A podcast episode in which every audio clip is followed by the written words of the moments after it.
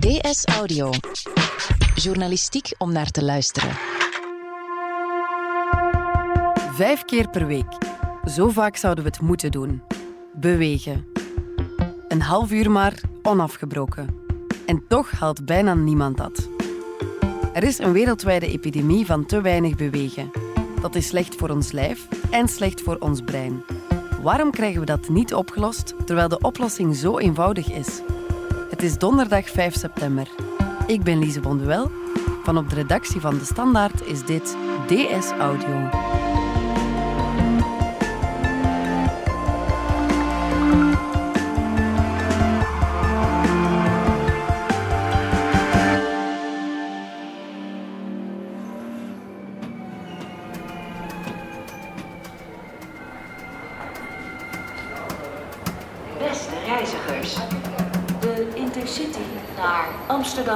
Amstel, Utrecht van... Sarah van Kerschaver, binnenlandredactrice bij De Standaard. Je hebt op het einde van de vakantie de trein naar Amsterdam genomen. Dat klopt, ja. Ik had daar afgesproken in het Grand Café. En eh, daar zag ik Erik Scherder. Goedenavond, meneer Scherder. Alles goed met u? Alles goed. Eh, Mooi zo. Wie is Erik Scherder? Wel, Erik Scherder is veel mensen. Hij was ooit tennisleraar. Daarna ging hij fysiotherapie studeren. Daarna neurologie, hersenwetenschappen. En daarna werd hij hoogleraar bewegingswetenschappen. En intussen is hij professor neuropsychologie aan de Universiteit van Amsterdam. En meteen ook eh, hoofd van de afdeling klinische neuropsychologie. Hij is dus een eh, heleboel mensen. Ja, eh, en ook altijd heel enthousiast. Heel bevlogen ook. Erik Scherder is zo'n man die huppa Happa. zegt. Hij is zo onvermoeibaar dat ik er zelf een beetje moe van werd soms, maar op een goede manier. Want je moet weten, hij is 67 jaar en hij zit gemiddeld ook twee uur per dag op de fiets. En hij vindt vakantie ook iets raars, ehm, iets, iets geks, zoals hij zelf zegt. Want ja, zelf heeft hij er amper behoefte aan. U heeft vakantie vanaf eh, vanavond. Na dit interview gaat u vakantie. Nee, u? Nee. Nee? Oei. Vakantie is een heel gek fenomeen hoor. Ja? Doet u niet aan mee? Scherder is verder ook een heel bijzondere verschijning. In een, donker pak met een das. ehm, de perfecte zilverwitte baard ook. Is groot. eh, ja, bijna imponerend perfect. Maar je wordt niet bang van hem, omdat hij ja, is heel innemend en, en heel warm. Oh, mooi. Is slim.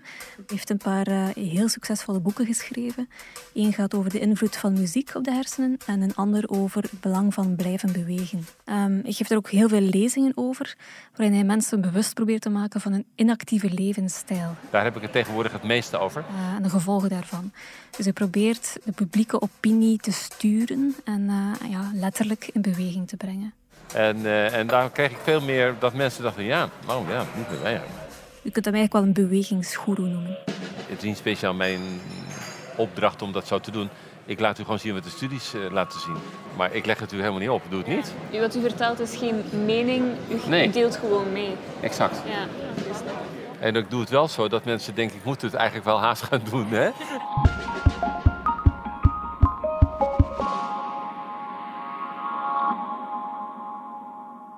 Erik Scherder dus, bewegingsgoeroe, fysioloog en neuroloog. En vooral heel enthousiaste man. Waarom wilde je met hem spreken? Wel, er stond midden augustus een artikel in onze krant. eh, en daarin werd geschreven dat jongeren al op 15 jaar rugklachten ontwikkelen. Eén op de 10 jongeren tussen 15 en 24 jaar heeft al last van lagere rugpijn. Ja, dat is veel. Ehm, en een van, die hoofd, of van de hoofdoorzaken liever, is eh, te weinig beweging. Eh, jongeren zitten achter de iPad in plaats van buiten en daardoor krijgen ze rugpijn. We wilden daar natuurlijk graag op doorgaan. eh, liefst met iemand die veel over bewegen weet. Dus dachten we aan Erik Scherder.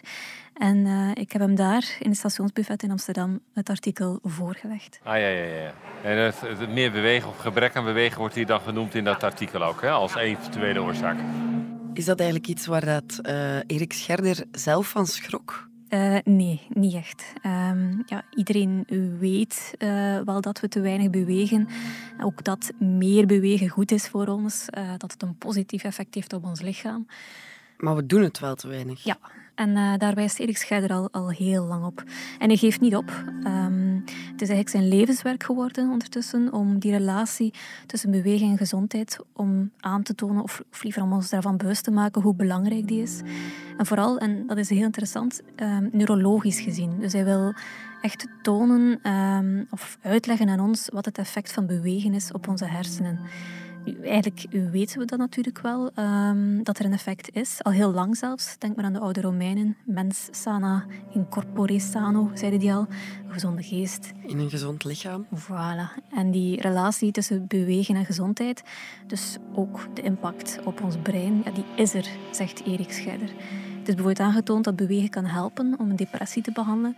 Toch als je, ja, als je bereid bent om, om vijf keer per week drie kwartier en een stuk te bewegen. Vijf keer per week, dus niet elke dag. Vijf keer per week. Drie kwartier aan één stuk.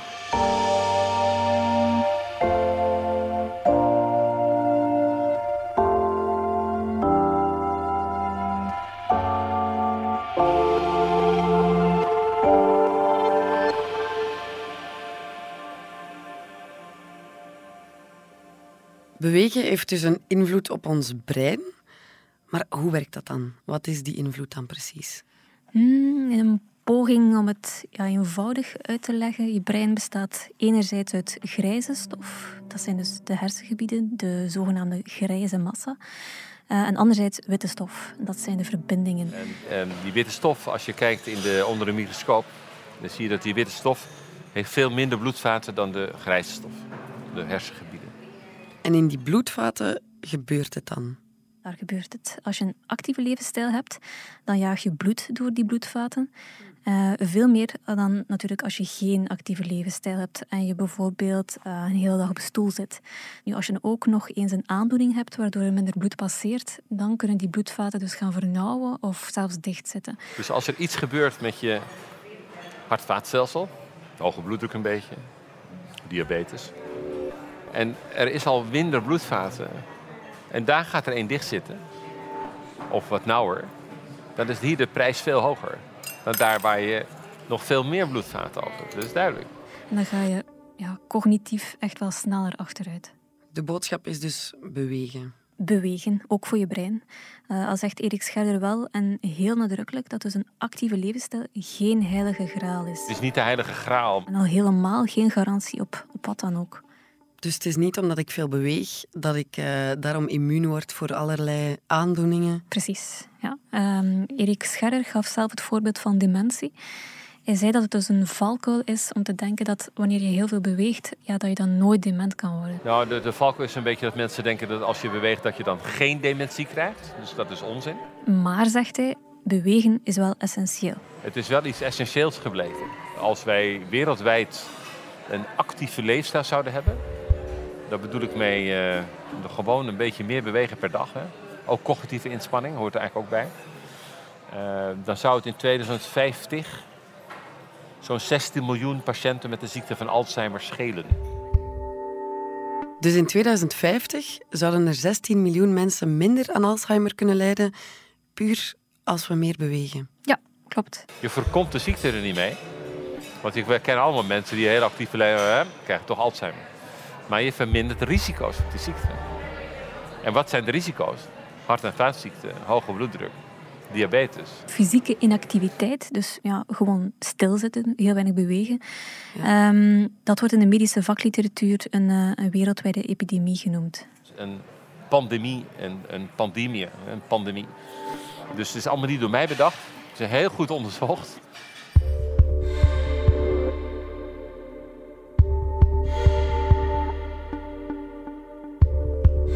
We zijn er zo terug.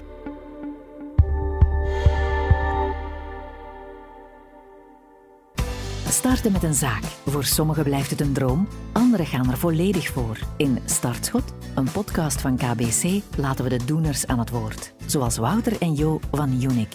Je begint eigenlijk met een blanco blad, of met een, in ons geval met een bierkaartje. En je werkt zo verder uit tot je eigenlijk een uh, plan hebt. Startschot, een podcast vol inspiratie over starten met je eigen zaak. Beluister hem nu via je vertrouwde streaming-app of op kbc.be-starters.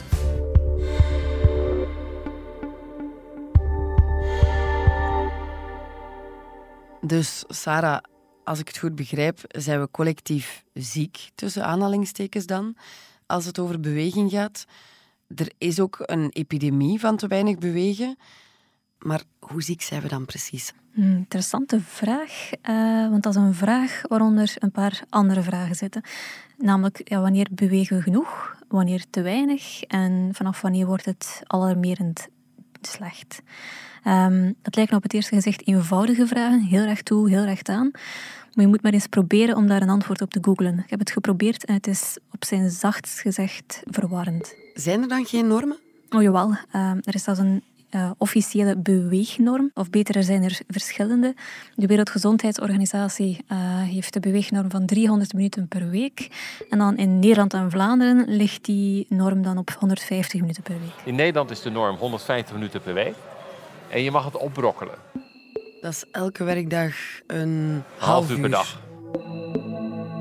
Op zich valt dat toch wel goed mee. Ja, um, en het Vlaams Instituut Gezond Leven die zegt zelfs ja, drie keer per dag tien minuten bewegen, dat is ook goed.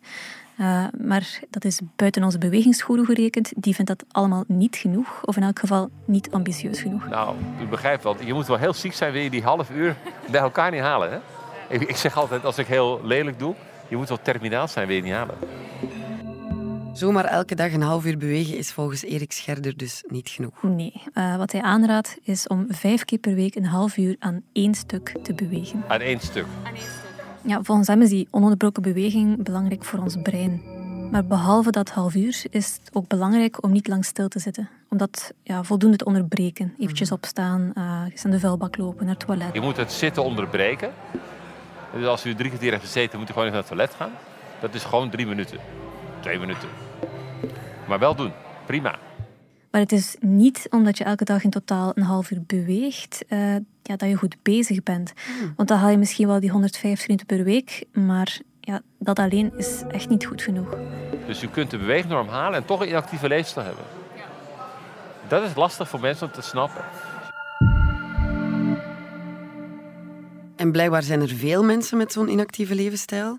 Want je zei het al, er is een wereldwijde epidemie van te weinig bewegen. Dus zo'n onafgebroken half uur, dat halen veel mensen niet. Nee, dat klopt. Je zou denken, wat is dan nu een half uur? Uh, dat is toch echt niet veel. Uh, maar ja, ik laat u eens raden, hoeveel procent van de mensen, denk jij, haalt dat dagelijks?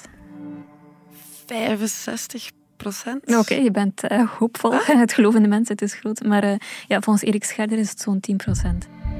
En is dat dan leeftijdsgebonden? Bewegen we meer als we jonger zijn en dan minder als we ouder zijn? Ja, ik heb dat gevraagd. Um, en hij zei dat het inderdaad afneemt met de jaren. En dat zit een beetje in die leeftijd vanaf 30, 35. Heb je je baan, je gezin.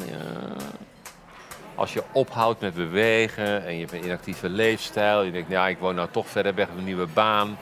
Vroeger fietste ik nu niet meer. En je zit lekker in je baan. Op een gegeven moment denk je, nou, ik weet het allemaal wel. Hè? Uh, en je weet, je hebt nu eenmaal je echtgenoot en die kinderen, weet je wel. Ja, een beetje funest. Ik weet nu wat de komende twintig jaar gaat doen, weet je wel. Moet je eigenlijk niet willen. Er zijn geen enkele uitdaging. Ik doe dit wel. Hè? Nou Gezellig uitbollen, dat is dus uh, geen goed idee. Nee, um, want uitbollen heeft dus als risico dat je stilvalt met uh, alle gevolgen van dien.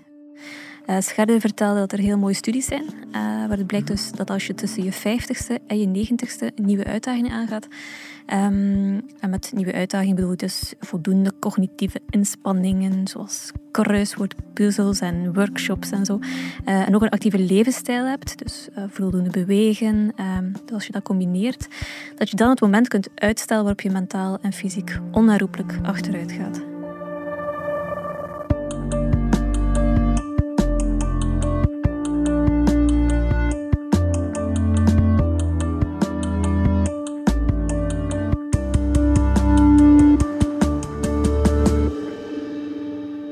Hoe komt het eigenlijk dat wij mensen zo weinig bewegen en zo moeilijk aan te zetten zijn tot beweging? Ook al is dat zo belangrijk. Ja, we zijn lui. Uh, of nee, dat valt wel mee. Je zou verwachten dus dat inderdaad mensen evolutionair gezien toch wel iets actiever zijn dan we vandaag zijn. Uh, maar dat is dus niet zo. Uh, we zijn een beetje zoals tijgers en leeuwen. Um, ja, wanneer die gaan jagen, dan verbruiken die energie. Ze springen een reebok of twee en daarna gaan ze weer gaan liggen. Uh, en dat is om geen energie te verspillen. Je hebt nu te eten, morgen misschien niet? Ja, omdat ze dus niet weten of ze de volgende dag uh, opnieuw aan zo'n stuk vlees zullen geraken. Um, en dat was voor de mensen niet anders vroeger. Uh, we gingen jagen, we schoten een hert um, en we wisten ook niet of dat de dag erna opnieuw zou lukken. Maar nu is het hertje schieten niet meer nodig? Ja, je moet dat hert zelfs niet meer gaan halen in de supermarkt. Het wordt gewoon thuis bezorgd. Precies. Uh, en dat vindt onze neuropsycholoog dus onzin. Bij ons brengt Albert Heijn het op, je, op bijna in je mond. Hè? Waarom moet ik mijn boodschappen thuis laten? Ik, ik kom ze wel halen. Hou op met dat thuisbezorgen. Ik moet een beetje lopen met die boodschap. Is toevallig goed voor mijn brein. Dus ja, met... Maar als beweging zo goed is, waarom heeft ons lichaam daar dan niet evenveel behoefte aan als pakweg in de zetel liggen met een zak chips? Die behoefte is er blijkbaar wel. Uh, je hebt dopamine, die je hersenen aanmaken als je hm. beweegt. Uh, ja, die jou ook een gelukzalig gevoel geven. Een gevoel dat sporters heel goed kennen. Maar die dopamines die komen pas vrij bij een hogere intensiteit. Intensief bewegen dus. Uh, niet als je gewoon een half uurtje wandelt. Ja, dus de beloning komt later. Ja, zo is dat. Um, ja, dat maakt het natuurlijk wel een beetje moeilijk. Hè? Het, het is een kwestie van gewoon niet willen of denken dit is makkelijker. Hè? Makkelijker krijg er zoveel voor terug. Ja, doe het. Ik denk er niet makkelijk over. Maar doe het. Dat moeilijke is precies wat u moet doen. Maar u geniet er precies wel van als het moeilijk is, hè? Ja, eigenlijk wel. Maar het is geen SM of zo. Hè? Dus uh, het is een kwestie van, als je kijkt naar literatuur... dan is dat moeite doen juist heel belonend. Niet door mij bedacht, kan u zo de studies of studie laten zien. Hè? Van het een komt het ander. Zijn er concrete tips om actiever te zijn? Ja, Erik heeft een stokpaardje. En dat is, je hoeft niet naar de fitness van mij. U hoeft niet naar de sportschool van mij. Hoeft niet. Als u gewoon een half uurtje de trap neemt, of u gaat lopen naar uw werk, u stapt een halte eerder uit. Neem gewoon de trap. Uh, stap een halte vroeger uit als je naar het werk gaat of naar school. Ga met de fiets uh, als je kunt. Het gaat om de inspanning die je levert. Hè? Maak een wandeling terwijl je belt. Ga niet op een e-bike. Het is in Nederland gewoon idioot hoeveel mensen op een e-bike zitten. Ja, natuurlijk krijg je altijd boze mensen. Ja, maar dankzij de e-bike kan ik fietsen. Maar de grosso, ze kan gewoon fietsen. We maken het onszelf toch wel vaak iets te gemakkelijk, vindt Scherder. Ons lijf en ons brein. Men wordt steeds luier. En, en dat geldt eigenlijk ook voor de cognitiekant, moet je ook oppassen. Dat je niet met je mobieltje, alles digitaal, alles... Het gaat om de inspanning die je levert, ook cognitief gezien. Hè? We moeten dus blijven bewegen en blijven nadenken. Zo is dat. Een beetje blijven zweten, ook mentaal. Sarah van Kerschouwer, dank je wel. Graag gedaan. Dit was DS Audio. Wil je reageren? Dat kan via dsaudio.standaard.be. In deze aflevering hoorde je Sarah van Kerschaver en mezelf, Lise Bonduel. De redactie gebeurde door Joris van Damme, de eindredactie door Wouter van Driessen. Brecht Plasgaard deed de audioproductie. Hij schreef ook de muziek die je hoorde in deze podcast. Alle credits voor deze aflevering vind je via standaard.be-ds audio in het artikel van deze podcast. Vond je deze podcast interessant? Weet dan dat je er elke werkdag één kunt beluisteren. Dat kan via standaard.be-ds audio, via de digitale krant of via de nieuwsapp. Of je kunt je ook abonneren via iTunes, Spotify of de podcast-app van je keuze. Zoeken op De Standaard. En als je daar dan toch bent, schrijf gerust een review. Zo toon je ook anderen de weg. Morgen zijn we er opnieuw.